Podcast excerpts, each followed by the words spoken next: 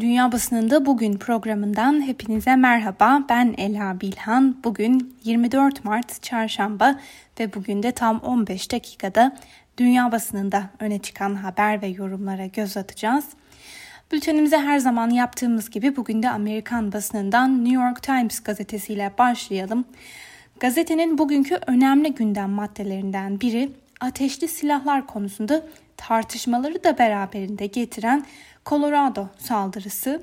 Gazete son 10 günde ABD'nin iki büyük saldırıya şahit olduğunu yazarken silahlı saldırıların toplumu paramparça ettiğini yazmış.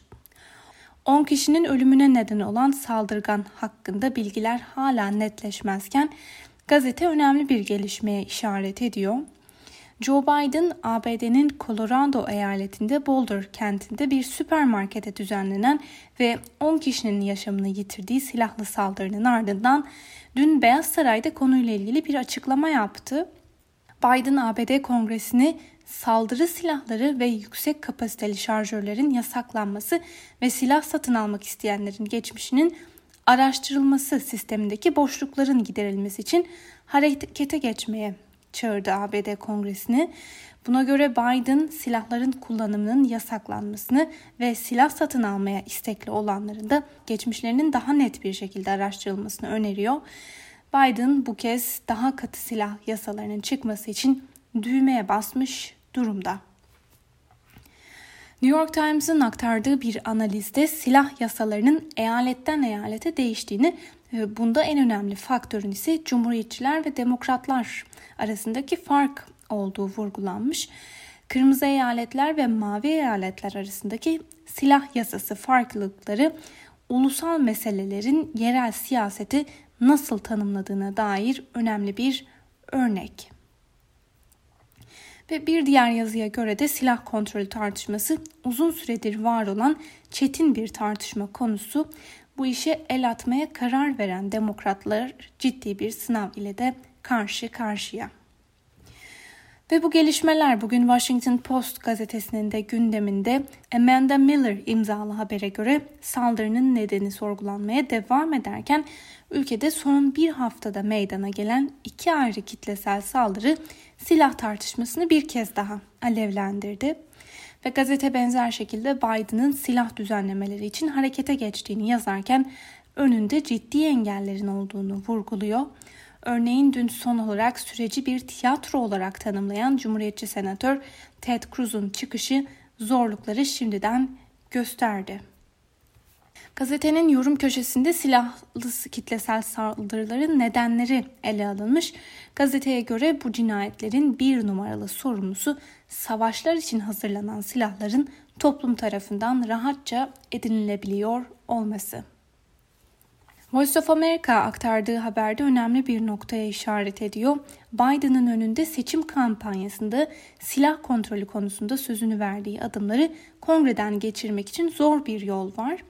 Rand Corporation şirketinin araştırmasına göre ABD dünyada sivillerin en yüksek oranda silah sahibi olduğu ülke konumunda bulunuyor.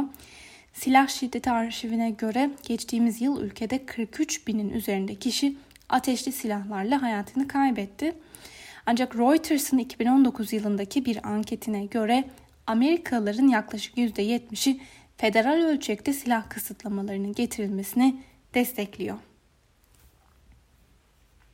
Ve Amerikan basınından birkaç haber daha var aktaracağımız. Maliye Bakanı Janet Yellen, ABD ekonomisinin salgın nedeniyle kriz durumunda olduğunu söyledi. Ancak yeni kamu yatırımları yapılabilmesi için vergi artışı planları yapılmasını da savundu.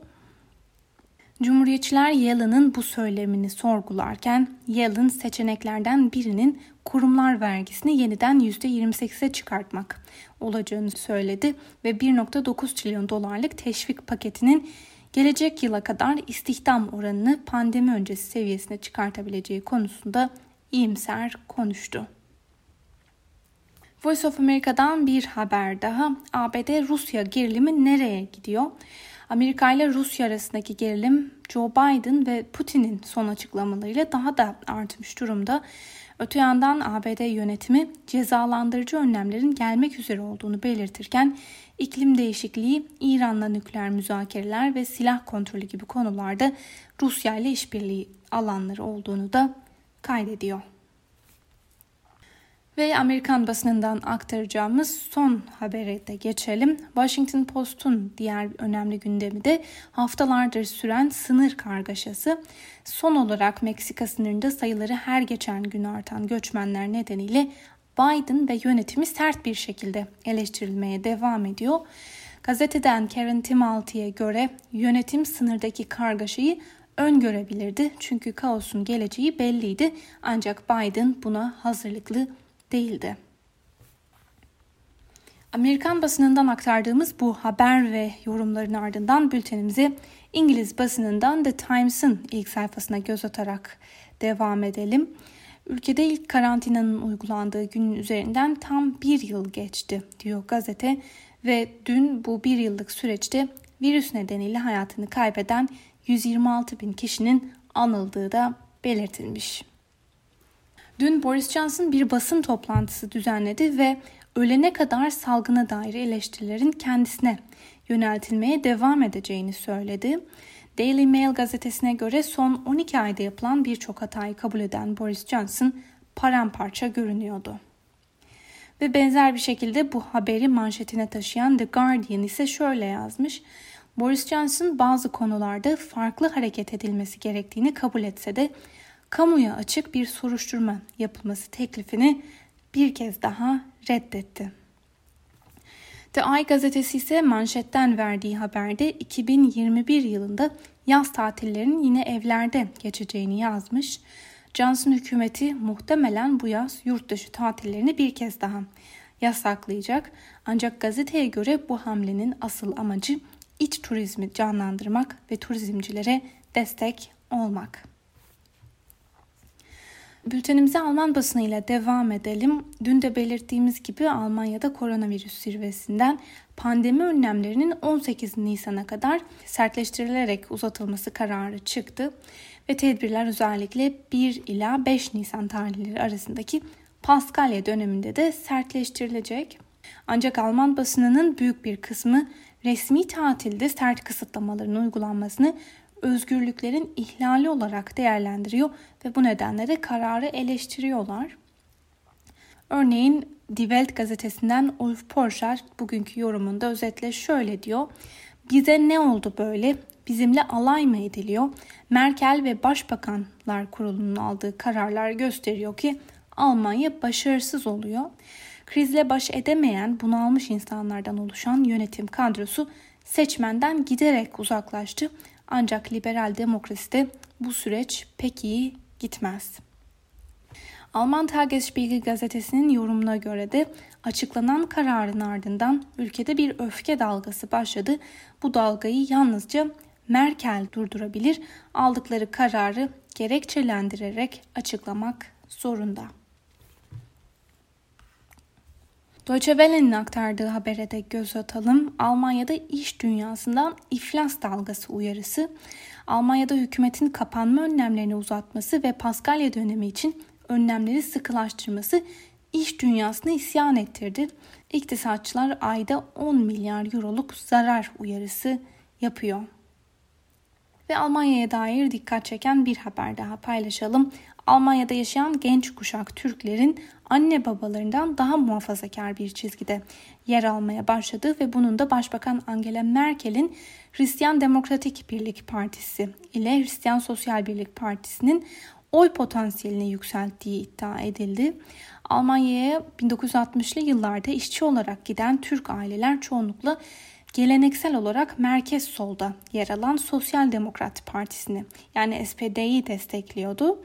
Fakat muhafazakar düşünce kuruluşlarından biri olan Konrad Adenauer'ın yaptığı e, araştırmanın sonuçlarına göre 2015 yılında Merkel'e oy vereceğini söyleyen Almanya vatandaşı Türklerin oranı %13 iken bu oran 2 yıl önce %53'e kadar yükseldi.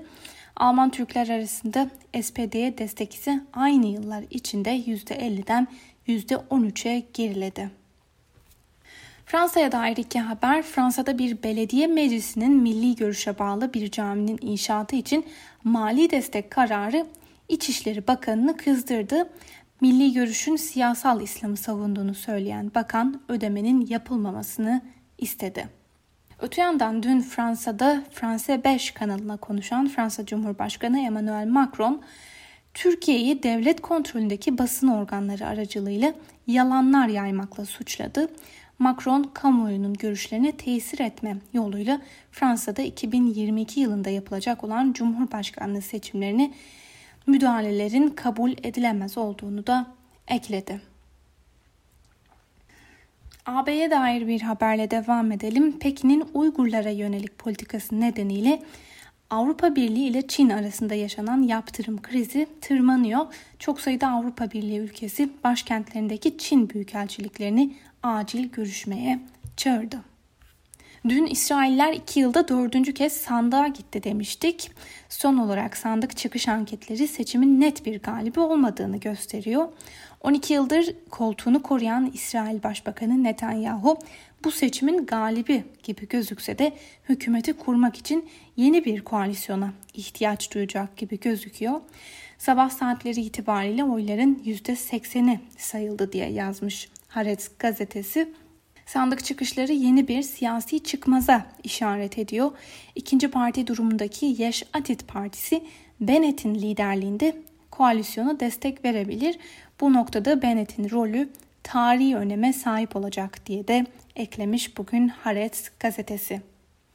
Buna karşılık yine İsrail'de yayınlanan Yerusalem Post ise dikkat çeken bir analiz yapmış. Buna göre hiçbir muhalefet partisinin Netanyahu'yu desteklememe seçeneği de gündemde. Böyle bir senaryoya karşı harekete geçen Netanyahu rakiplerini kendisini desteklemeye çağırdı. Aksi takdirde 5. bir seçimin kaçınılmaz olduğunu söyledi. Bu durumda İsrail son 2 yılda 5. kez seçime gidebilir diye yazmış bugün Yerusalem Post. Ve şunu da ekleyelim. İran basınından Pars Today ise bugün yine dikkat çeken bir başlıkla duyurmuş İsrail'de İsrail'e dair son gelişmeleri. Doğrudan aktaralım. Irkçı İsrail'de seçimin Netanyahu'nun partisi önde tamamladı.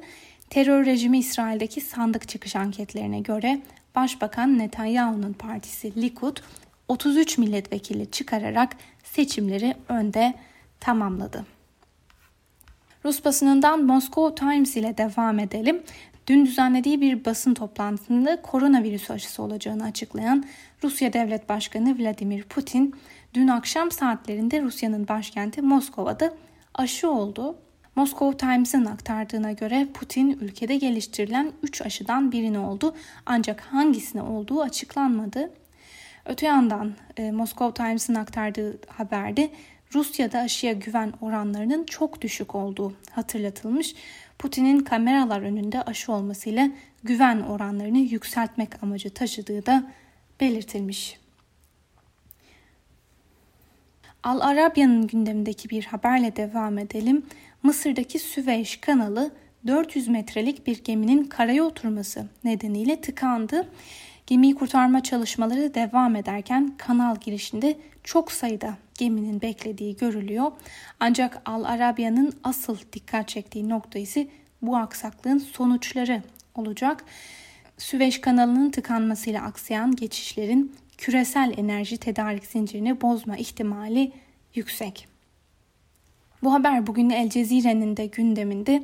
El Cezire benzer şekilde aktardığı haberde geminin karaya oturma sebebini de yazmış. Buna göre Kızıldeniz'den yola çıkan tam 200 bin tonluk geminin elektrik kesintisi nedeniyle karaya oturduğu da belirtiliyor. Al Arabya'nın yorum köşesine de göz attık. Rami Rayes'in bugün Türkiye dış politikasına dair dikkat çeken bir yorumu var. 1952 yılından beri NATO üyeliğine ve 1927'den beri Washington ile olan tarihsel diplomatik bağlarına rağmen Ankara dış politikasında yeni bir alternatif olarak Moskova'ya yönelmeyi tercih ediyor. Türkiye ile Rusya arasında Suriye'de son yıllarda yaşanan birkaç askeri çatışma dışında Ankara yine de geçtiğimiz günlerde Moskova ile bağlarını geliştirmeye yöneldi. İkisi arasında yaşanan yakınlaşmaya rağmen Moskova'ya dönmek Türkiye için en iyi dış politika seçeneği değil. Kısa vadede faydaları somuttur ancak köklü bir politika değişikliğini başarmakta kolay değildir diye yazmış bugün Al Arabia'dan Rami Reyes. Sevgili Özgürüz Radyo dinleyicileri, Al Arabia'dan aktardığımız bu son yorumla birlikte bugünkü programımızın da sonuna geldik. Yarın aynı saatte tekrar görüşmek dileğiyle şimdilik hoşçakalın.